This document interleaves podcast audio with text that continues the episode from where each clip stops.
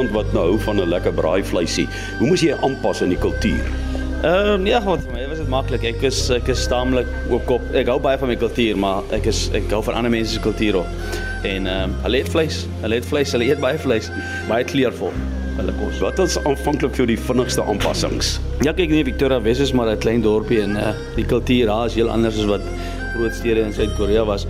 Ja, die grootste aanpassing vir my was maar die mense, die die kultuur. Hulle het 'n heel ander kultuur, so jy moet dit aanvaar. Jy moet jy moet deel word daarvan die die land. Dit is die eerste wêreldland. Hy funksioneer fantasties. Almal werk.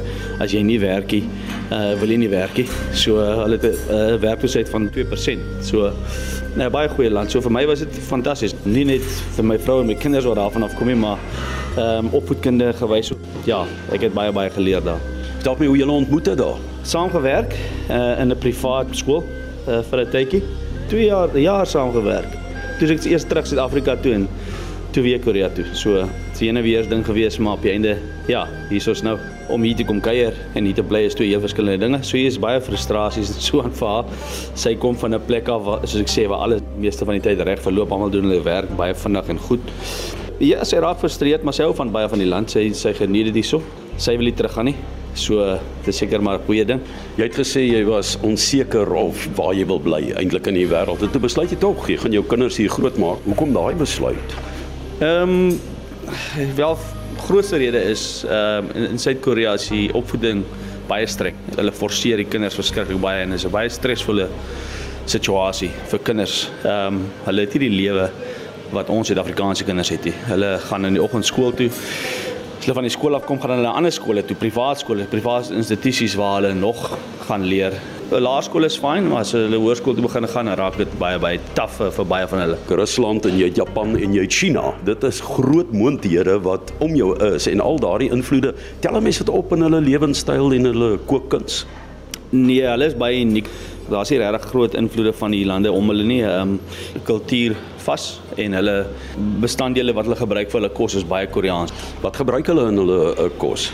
Kyk, hulle is baie, hoe kan ek sê, gesondheidsbewus. Soos enige ding wat jy daar eet is vir iets. So ehm um, dit is uh, hulle gebruik baie vars bestanddele, krye, verskeie baie krye, ehm uh, meestal vark en hoender. Beef is baie ehm um, duur of jy kry die goedkoper die van Amerika af maar dan betaal jy so na die 2000 rand per kilogram vir 'n vir Koreaanse beef. So dis een van hulle grootste trekpleisters daai kant toe. Dis 'n food experience. Alles travel daai kant toe is meestal vir die kos. Dis 'n mooi land ook, maar die mense gaan nie daartoe vir natuur skoon nie. Hulle gaan daartoe vir die kos. Ehm um, jy sê jy was 14 jaar in Korea en in daardie tyd 'n whisky versameling opgebou wat skrik vir niks en wat nou in Suid-Afrika is toe ek in die Verenigde Koninkryk gebly het, het ek nie regtig belang gestel in whisky nie alhoewel ek omring was. Skotland was net daar maar nooit regtig belang gestel aan dit uh, in Suid-Korea het ek begin eksperimenteer met whisky obviously. Ehm um, dit baie geniet en terwyl ek daar gebly het, hierdie kant 'n versameling opgebou. So ons sit nou met ongeveer so 1600 verskillende bottels, uh, verskillende whiskies uh, waarmee ons werk. Ehm um, ja, dis maar 'n passie wat nou net bietjie buite beheer geraak het en nou nou 'n nou 'n lewenstyl is vir my basically. Uh whiskies van oor die wêreld, was jy verras om te sien waar dit oral vandaan kom? Ja, kyk daar baie baie lande maak nou whisky. Dis nie net 'n Skotse ding of 'n Ierse ding nie. Amerika obviously is um, is al baie lank ook in die bedryf. Japan is fantasties nou, baie groot, baie goeie volgeling in in die Venesiese whiskies. Kyk Skotland sal maar altyd nommer 1 bly vir my ook persoonlik uh, dink ek die die kuns kom maar daarvan af. Daar's baie ouens wat wat sal argumenteer dat dit Ierland is. Uh maar vir my die beste styl is maar Skots. Uh maar ja, daar's baie wêreldlande wat nou whisky maak. Israel begin nou met in die mark in te kom. Frankryk is daar, Duitsland, uh Australië is is begin nou nou al 'n naam te maak vir hulle self. Uh men ja, daar's nog 'n hele paar ander lande ook. Indië is is is ook baie groot nou. Jy weet natuurlik in Suid-Afrika moet ons afreken met Skotland en Ierland in die groep uh, om die wêreldbeker in Frankryk later, so jy moet maar 'n bietjie uithelp hierso. Dis natuurlik om 1600 bottels te proe onmoontlik. So, hoe groepeer jy dit? Uh, jy kry baie ouens wat gesoute whisky drinkers is wat hier inkom, uh, wat baie keer meer as wat ek weet, weet van die produk.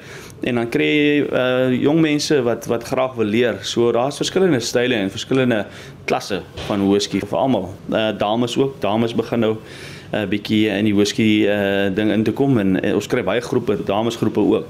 Nou wat ek bly is om te sien want ons wil graag hê dat baie mense uh, vergelyk 'n whisky met 'n ouer persoon of 'n of 'n sekere persoon, maar daar's regtig whiskies vir alle mense, uh, vir alle dames, jong mense, ou mense almal. Hoe werk dit saam met die Koreaanse cuisine? Ehm um, wel ek ek weet nie of dit werk saam met die Koreaanse kosie maar ehm um, ons ehm um, die mense kom nie regtig hiernatoe vir pairings hulle eet eers en dan doen hulle whisky tasting of andersom jou dierder whiskies waar is hulle? Wys vir my wat kos die goede? Ja hier's kyk my versekeraars wil hê ek moet reg dier whiskies hier binne hou nie maar ehm um, ja kyk whisky kan verskriklik duur word.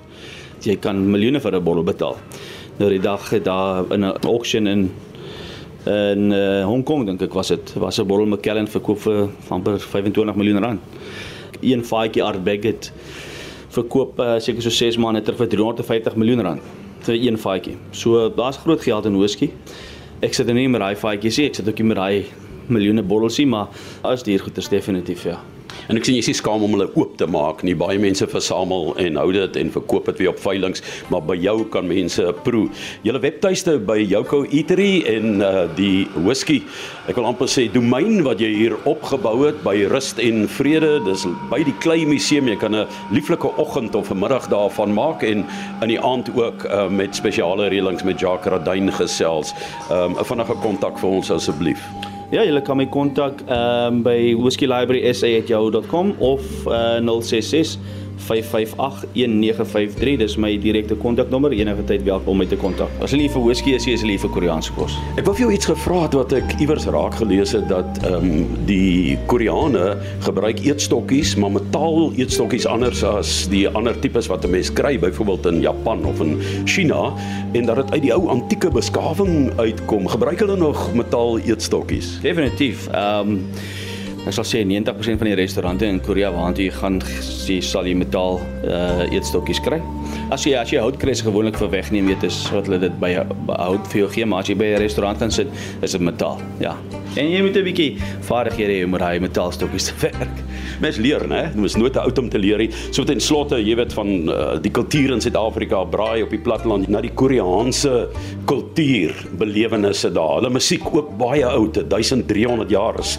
Antieke musiek wat vandag nog herleef. Daar hoor mense dit nog baie teenoor die moderne popmusiek. Kyk, die moderne popmusiek, Koreaanse kultuur is verskriklik groot nou wêreldwyd. K-pop ehm um, vat oor. Jy jy kan maar gaan kyk aan haar. Dis is is 'n groot groot kyk, hulle is baie kultuurvas ook en geskiedenis en en kuns en en en musiek van daai dae se tyd af.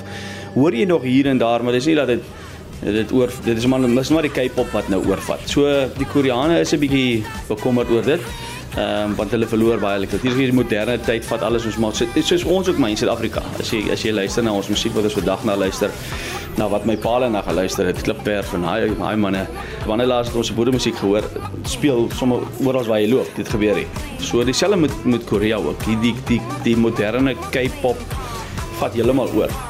Ehm um, dis nou 'n wêreld. Ek meen, ek speel oor Suid-Afrikaanse radio so baie keer. Ek weet nie, er is geen spesies kyk K-pop nie, maar jy hoor dit tot hier in in ons land alhoewel hulle baie baie gefestig is op hulle geskiedenis en hulle kuns en hulle kultuur, ehm uh, vat die vat die moderne Kaap op definitief oor. Dit is uh, Jacques Radyn wat so sê op 'n Vrydag aand op RSG kan jy kyk pop ook hoor.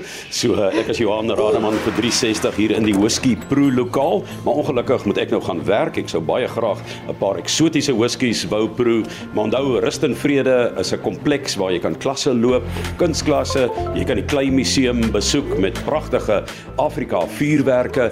En dan langs dit kan jy die Koreaanse ervaring op die spyskaart kry en die wêreldwye whisky wat jy kan kom proe hier, jy hoef nie daarna toe te vlieg nie. Dit is 'n baie goedkoper manier van dit ontdek.